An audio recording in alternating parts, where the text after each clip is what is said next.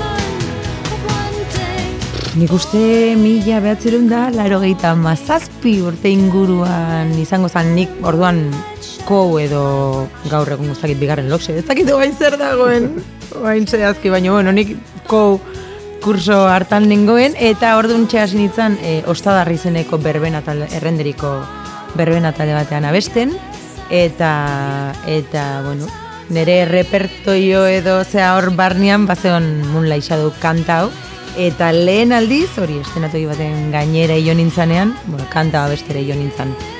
Guztiz txiki txikian nintzan, goatzen naiz nola ion nintzan estenatogira, gaina e, gure taldeko teknikariak, nire gaur egongo lagun min batek, unai morazak, urbildu nindun zera estenatokira nio, eta eta bueno, ion nintzan, eta goatzen naiz lurrari begira, ezin nuela burua altxatu, kriston lotxa bat eta hoi izan lehenengo kanta, joe, haze oroitzapena kama. Garai hartarako edo berbena orduko euskal berbena taldeak eta ba, gu ezberdinak ginean ez genuen beste hon errepertoio berea jotzen. Garai hartan, jo, ez dakik gotzen naiz ba, ba, tapia taleturia eta olako kantak eta jotzen zituzten batipat eta guk, ba, ikusi ba, Michael Field eta rock sinfonikoa, ez dakiz rock klasikoa ere ba, kantak eta ba genituen, hombre, gero noski harinarin da fandangoak ere jo berken itun, baino bai, bai, bai, gogoan badut, eta ez dakit oso politxe izan zen, gauza pila ikasi nuen, gaina garai hartan nire taldekide izan dako asko gaur egun nire lagun taldekoak dira, esan nire lagun minak dira, e, Hernan inguruko kuadrillakoak eta haietako bat adibez bateri jolea, ibisagarna gaur egun barrikada taldeko bueno, ba, ba, bateri jolea da, eta bueno, ba, Horre egin genuen kuadria polita.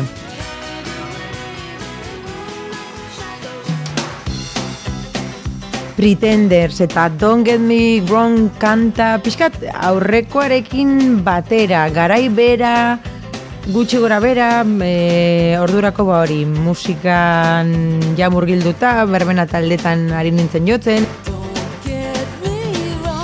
Txiki txikitatik nire txean, bai ama eta aitaren aldetikan, e, musika asko ikaragarri gustatzen zitzaien eta bakoitzak gaina bere estiloan nera mazan igual gehiago kantautoreak hemengoak ez dakiz edo edo iparrego, osea, ego Ameriketako osea kantautorea, Silvio Rodríguez, Pablo Milanes eta holako gustatzen zaizkion hemen ala, Ana Belén eta holakoak eta nere aitzan pixkat ba, ba kanpotarragoa, ez? Ba, honi pila gustatzen zaizkion, ez dakiz Simon Garfunkel, Toto eta holako talde klasiko eta bueno, garai hartakoak eta egia da nere ama gainea oso feminista eta emakumearekiko, bueno, ba, gura hondikoa eta orduan bere eskutik hasi nintzen ba, ba, emakumezko abeslariak edo ezagutzen eta emakumezko abeslariak zituzen taldeak ere ezagutzen eta guen artean ba, adibiz pretenders.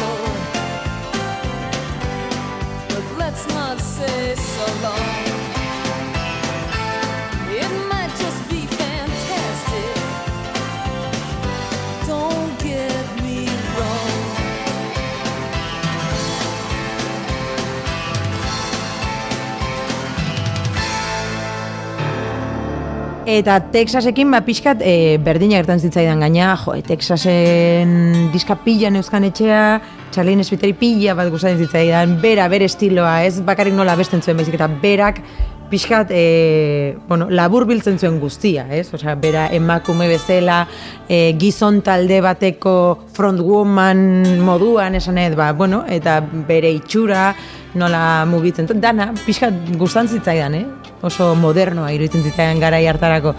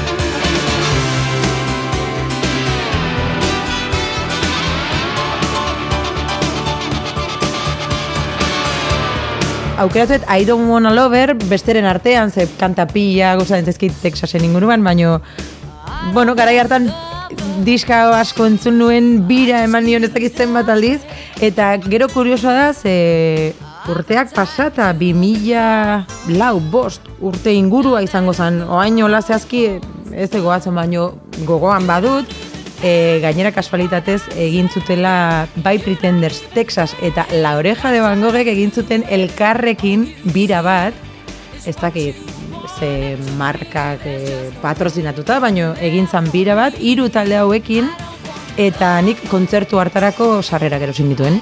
Am, nere amarekin juteko, zen nere amari ere Pretenders Texas bati bat gehi gustatzen zitzaizkion, eta sarrerak erosi, eta justu egun horretan nik e, bueno, lan egin behar, beste nik ere bolo bat izan non, eta nire sarrera, ba, nire lagun bati eman behar izan nion, eta bai pretender tesak, eta la oreja de bangok ikusik abe gelditu nintzen, hemen donostiko digustia, dagoen ordurako, ano, eta izango zala, eta, bueno, han egin kontzertua, eta ezin izan izan, ba hori nik ere lan izan nuelako.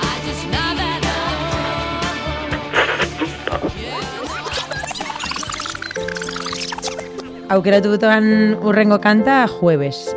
e, kanta da, eta, bueno, nire taldekideena, nire taldekoa, laure jadango. Eta zergatik aukeratu duan kanta, bueno, balde ba, batetik, e, kanta honek esaten duenagatik, e, martxoaren amaikean, zera, Madrilen gertatutako terrorismo egun, ba hori, itxusi gura.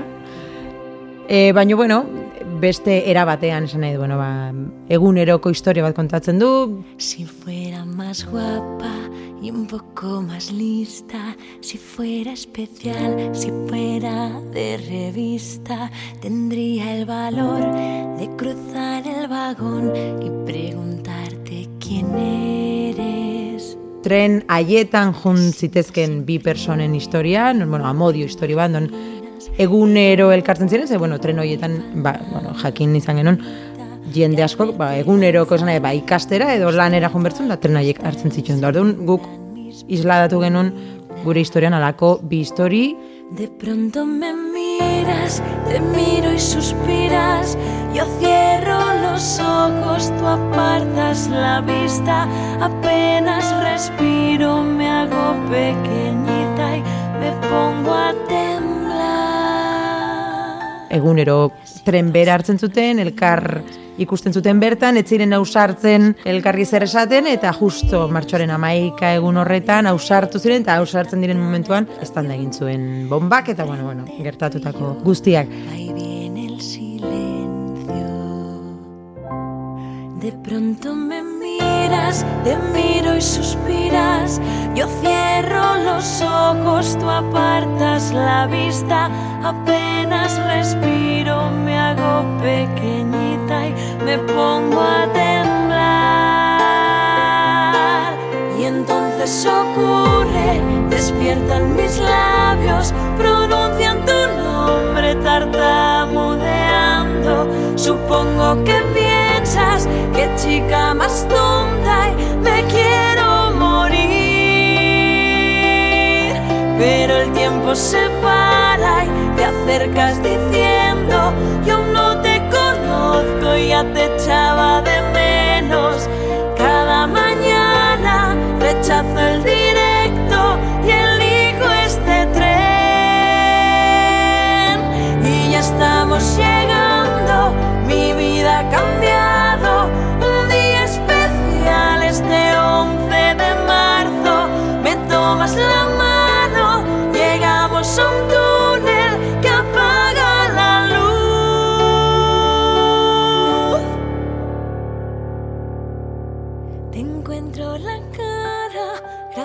A mis manos, me vuelvo valiente y te beso en los labios. Dices que me quieres y yo te regalo el último soplo de mi corazón. Eta baita ere, e, aukeratzen dut kanta hau, mm, nik laurejarekin batera, eta publikoki abestu nuen lehen kanta izan zelako. Nere aurkezpen moduko egun horretan, goatzen dut, e, bari, ustaiaren amala uste izan zala, Casa de Amerika, Madriden dauen Casa de Amerikan, han egin genuen prentxaurreko bat, 2008an, 2008an izan zen. Eta gogoan dut hori, e, Nerezat lehen prentsaurreko izan zen, gaina sekulako audientzia izan zen, ez da sekulako jende pila eta kazetari pila eta kamera pila, argazki kamera pila, oza, argazki pila, nerezat lehenengo fotokola ez dakitzer pixkat, nik ja baneraman e, martxotik taldean sartuta eta taldearekin lanean, baino nire lehen kontaktua izan zen munduarekin, esan, la orejak publikoki duen mundu horrekin, nire lehen harremana izan zen, eta guztiz, impactante izan zen. Gainera gogoan den nola sonikoek disketxekoek esaten ziguten. No, no, no, ezin dezute, ezin dezute abestu. Zera, gaizkateatzen bali bada, pentsa ze aurkezpen, eta nola ingo dezute, nola arriskatu. Zuzenean abesten, eta, eta guk esan behi da, guk musika egiten dugu. Beste guztiaren inguruan, ja, zuek zaudete, zuek esan beharriko esan, baina guk musika egiten dugu, eta horrela aurkeztu nahi dugu gure burua, eta bueno, horregatikan erabaki genuen zuzenean abesti hau jotzea eta bueno, oso oroitzapen politiak dauzkat.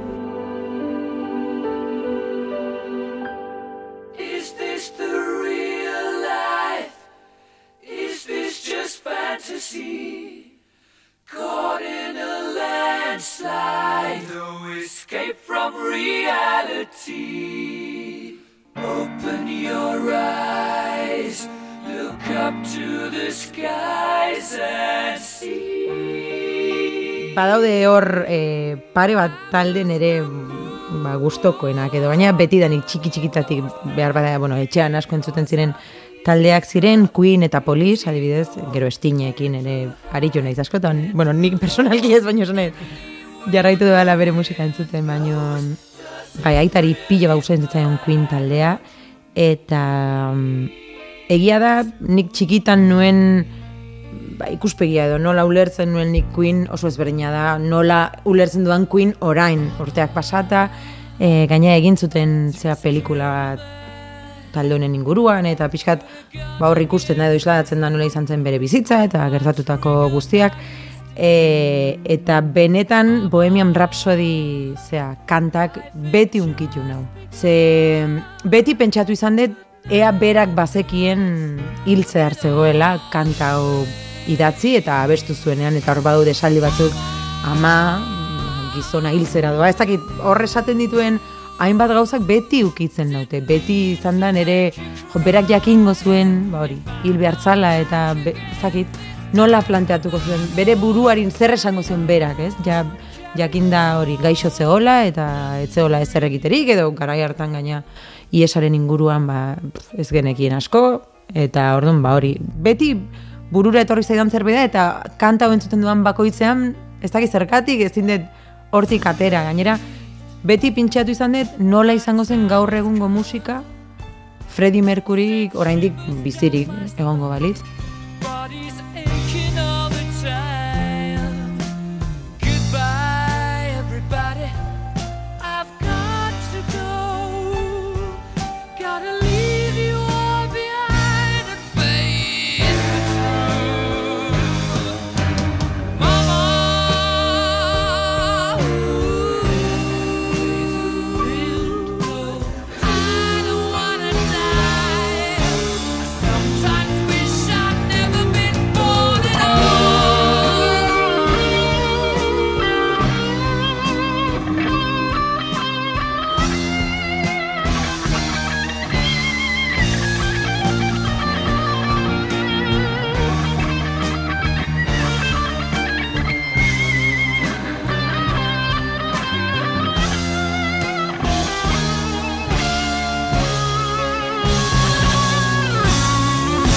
Beira, neri hauen inguruan oso moderno edo berritzaia irutzen zitzaidan azan, alde batetik ia musika klasikoa zan, zanet, e, puristak edo musikalki gaina goi mailako musika ikasketak izango lituzte beste, bazituztela, esan nahi baino, baino e, rock eta pop musikara egokituta. Eta niretzat hori izan zen oso berritzailea, ze garai hartan, etxe honolak hori. pasate, erdi opera, erdi zakit esan nahet, eh, eh, buruak nola funtzionatzen zuten, osea, zitzaidan. Bismillah, no, we will not let you go. Bismillah, we will not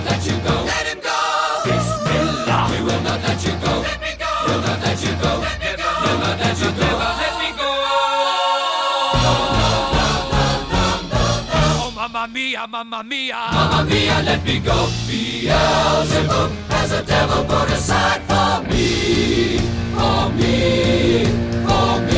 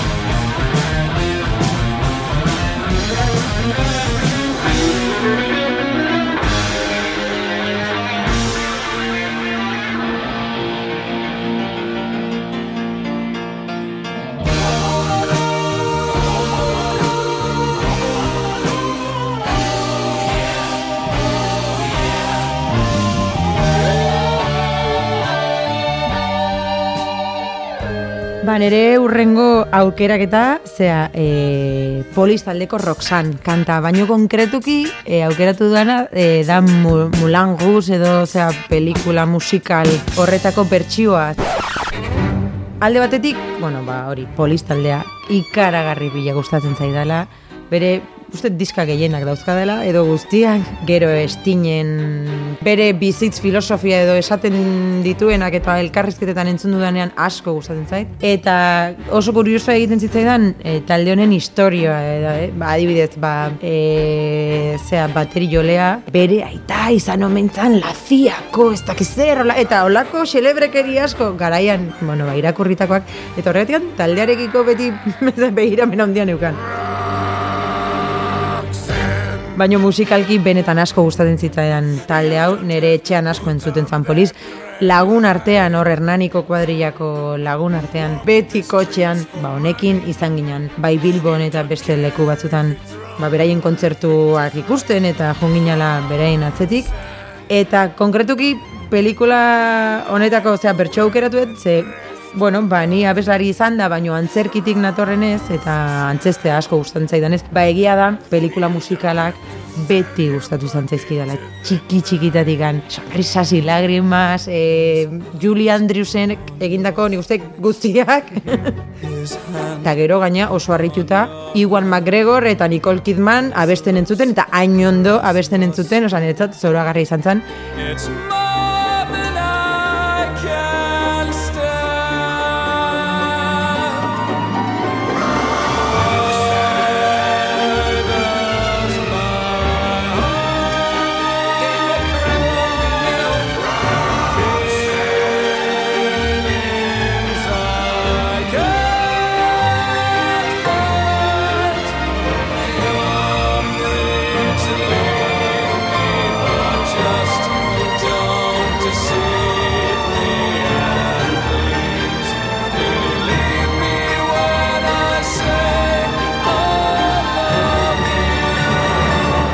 eta konkretuki pelikulan momentu hau non oi, ba, zirkoko personeiateko batek gaina oso ahots grabea duten duen gizon horrek nola besten duen eta ba, mulan guzeko, osea, bueno, ba, emakume baten inguruan ari da, eta oso iruditu zitzaidan momentu hori, eta, bueno, abesti honen bertsioa.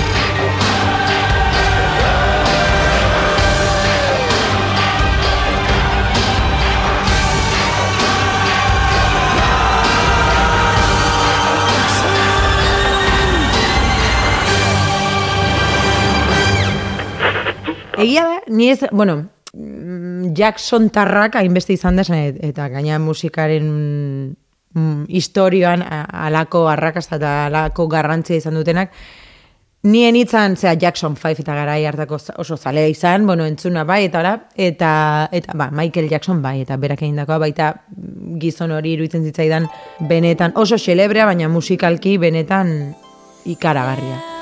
Baino Janet Jackson aukeratu ze Togetheraken kantarekin beti gertatu zait e, pixkat baxu nabilean, hola pixkat, ez triste igual, baino nekatu eta edo pixkat baxu nabilean, beti jartzen eta besti hau, ze kriston martxa, ez dakit zer dauken kanta honek, baino benetan animatzen nau, ja, sane, ja zarkituta dago kanta, ja pixka urte desente dauzke, baino jarraitzen du zerbait izaten nere barrena mugitzen duena. Et, baina bideoklipa ere politia da, hola Afrikako sabana erdian hor dantzan egongo balira bezala, eta animaliak horrik guruan, bueno, nahiko politia da ikusteko.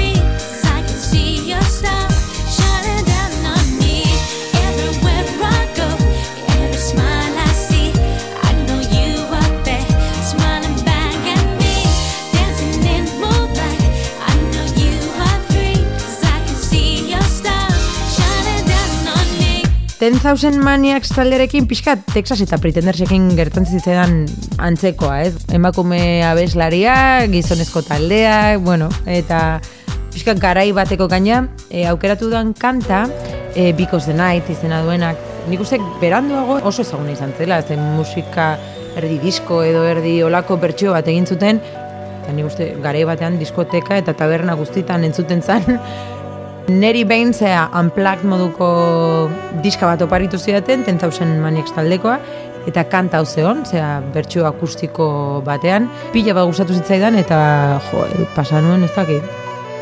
Etxe iritsi eta beti kanta honekin bueltan da bueltan da bueltan ibiltzen nintzen. Take me now, baby, here as I am. Hold me close and try and understand. Desire is hunger, is the fire I breathe. Is a banquet on which we feed.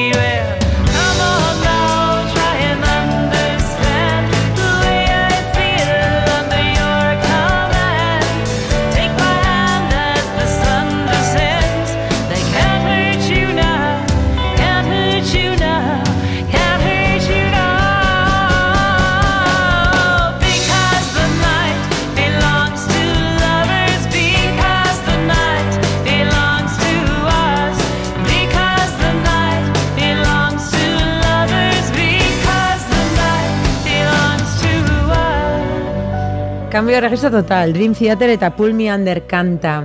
Ba, jo, eske garai bat izan zen. Niretzako ez da ez da kanta bakarra, ez talde bakarra, baizik eta garai bat izan zen. Orduan bai institutoan nengon, hasi berria hola ba hori abesten. Hortik aurrerako garai bat izan zen. Gutxu gora bera, ba, nire amasei amazazpi urtetatik, ba, hogeita... Ba, amarka da ba, guzti hori, ba, nire amasei amazazpi urtetatikan, ba, gutxora hogeita hamar urte bete nituen arte. Nire garai bat izan zen, non, bueno, ba, hori musika talde ezberdinetan ibili nintzen, gora eta bera, e, nire lagun gehienak ere musikan ibiltzen zian, talde batetan edo bestean, edo, bueno, baino gehienak, eta eta orduan ba, musika asko entzun eta egiten genuen garai hartan. Eta kontzertu askotara jude ginen, ez bakarrik lagun artean egiten ziren kontzertuetara eta lagunak ikustera, baizik eta beste talde handi eta Eta euki genuen gure garaia, ba, hori rocka eta olako rock sinfoniko eta bueno, olako taldeak gustatzen zitzaizkigula. Eta horri izan ziren, ba, hori Dream Theater, Iron Maiden, e, ba, ez, olako talde pila ikustera junginela, za gitarristak eta ba, Satriani eta bueno, olako e, ba, ba, ba, jende pila ikustera juten ginen, edonora, bai frantzira, ze gaina, hemen Frantzia hegoaldera eta etortzen ziren alako talde asko ere, eta orduan guk kotxe hartu hemendik eta eta claro, kontzertura iritsi arte kotxan ezan besterik entzuten. Ba, talde guzti hau jarri eta ba hori, eroak bezala kantatzen da ibiltzen ginen pila bat eta oso garai polita edo bueno, gogoan dudan garai polita niretzat eta eta hori. Olako egia da beste musika registro bat izan zana.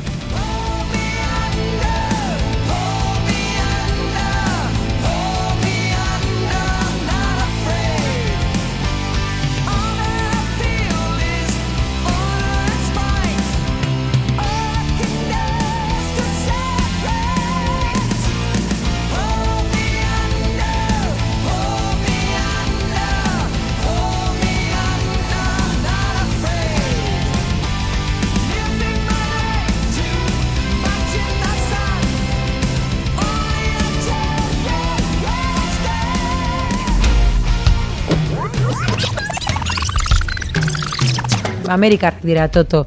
Eta I Will Remember kanta aukeratuet e, tambu izeneko diska bat dute, osea Toto. Toto dia, dia, bueno, rock klasikoa eta zea, ba, Amerika garai hartan, bueno, Kansas eta ez dakizelako mm, talde pila zeuden, ba, bueno, Toto ere haietako bat. E, abeslaria ikaragarri pila gustatzen zitzaidan,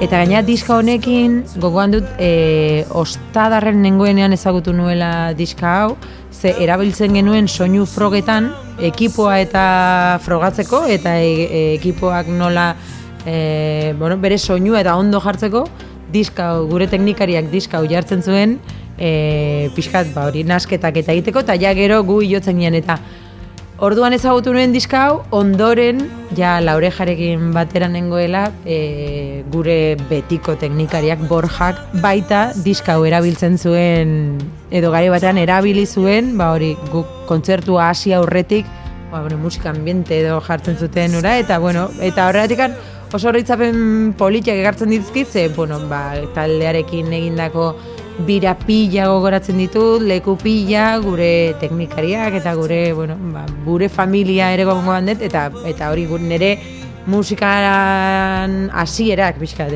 esateko, ez? Baita gogoan ditut, ze orduan hasi zan, eta gero berriz, ez dakit, pixkat borobila itxi zan non hasi eta non bukatu, eta justo talde honekin eta diska honekin, ez?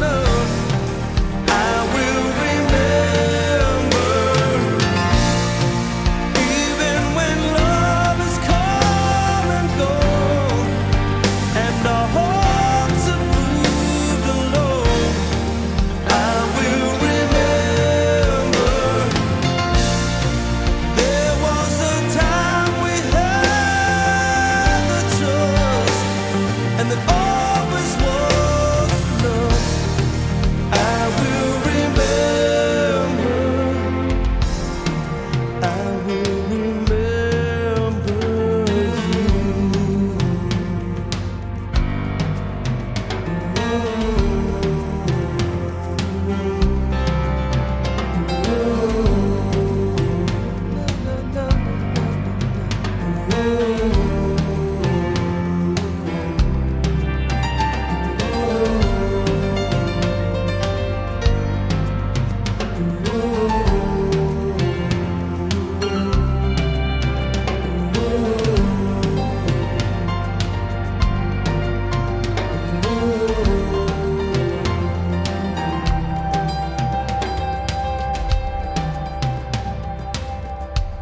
eske batekin gelditza beti kosta egiten zaite, beti gertatzen zait, gaina galdetzen digut askotan. Eta zein da zuen kantariko egoena, eta kostatu egiten zait. Como esos cuadros que aún están por colgar, como el mantel de la cena de ayer. Ni sartu aurretikoa, esango nuke nire laurejako kantari gogokoena edo, baino ni sartu aurrekoa, muñeka de trapo, esango nuke dela. Garaira arte, edo beraiek egindako musika guztiaren artean, iruditzen zitzaidan zala ezberdinena, oso iluna, derrepente oso kanta iluna, estetik aldetik ere ezberdina izan zan, e, pixka zikinagoa entzuten zan, ez dakit gitarra gehiago, eta netzat pixka ba hori gogorragoa, pixka rockeroagoa zan, eta ilunagoa, eta benetan asko gustatu zitzaidan kanta hori, eta jarraitzen dut goga hondikin abesten. Me abrazaría al diablo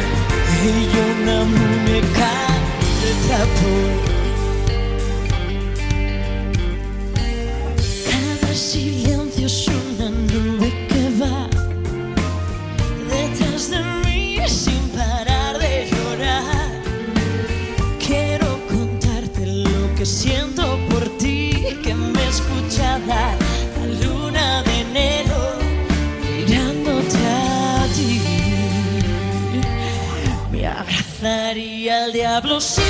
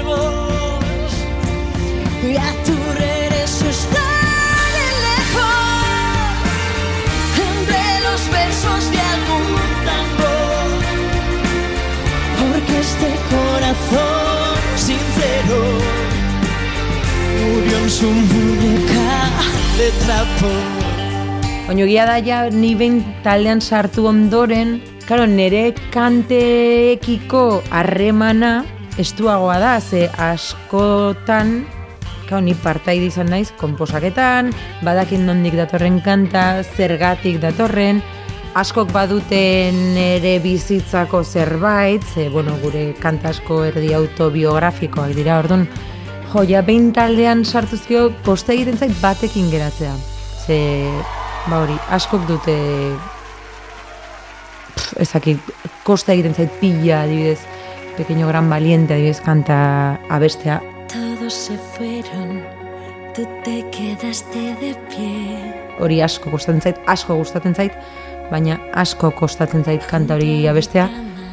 Ze kontatzen duena batipat da hori, eh, ama batek bere semeari edo seme alabari abesten dion kanta, ba, nolabaiteko agurra, agur kanta da, ze ama gaixo dago eta ez da sendatuko, eta bere seme alabari edo esaten dio, ba, bueno, lasai egoteko, bizitza horrela dela, eta eta bera ondon egoteko, amatxo ere ondo egongo delako, eta buf, gogoan dut gaina hori junminanean grabatzea, orain ere emozionatu egiten naiz, eske kosta egiten zait, eh? Baina hori gogoatzen dut, zera, grabaketa garaian, estudian geunden, eta ezin nun, kanta bestu, eske ezin nun, jartzen zitzaidan hemen, zea, korapiloa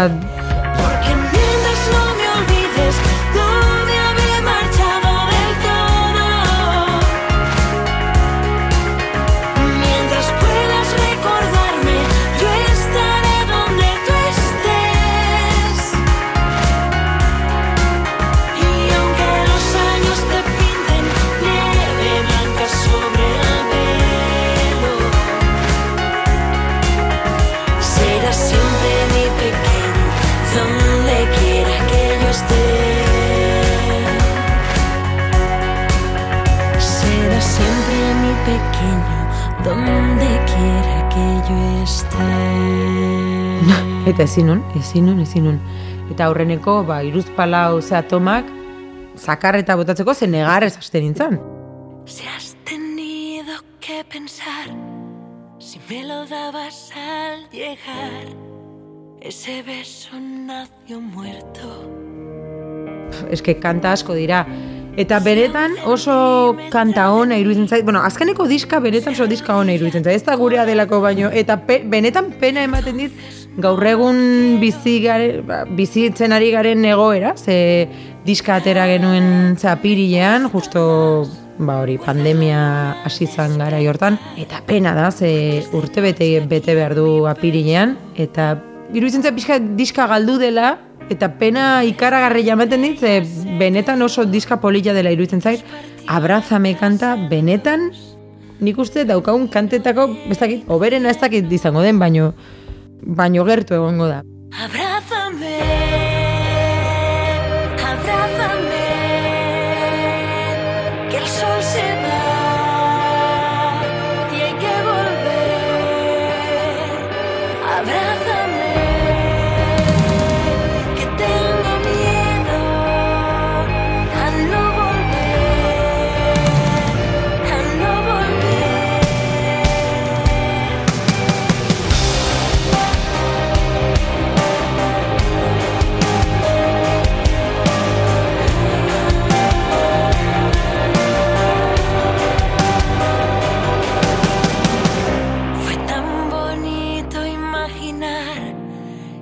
imposible caminar descalzos por el tiempo. La rutina me enseñó entre sus dedos un mechón de lo que fue querernos. Si tengo cielo al que mirar y estas dos alas para volar porque sigo en el suelo.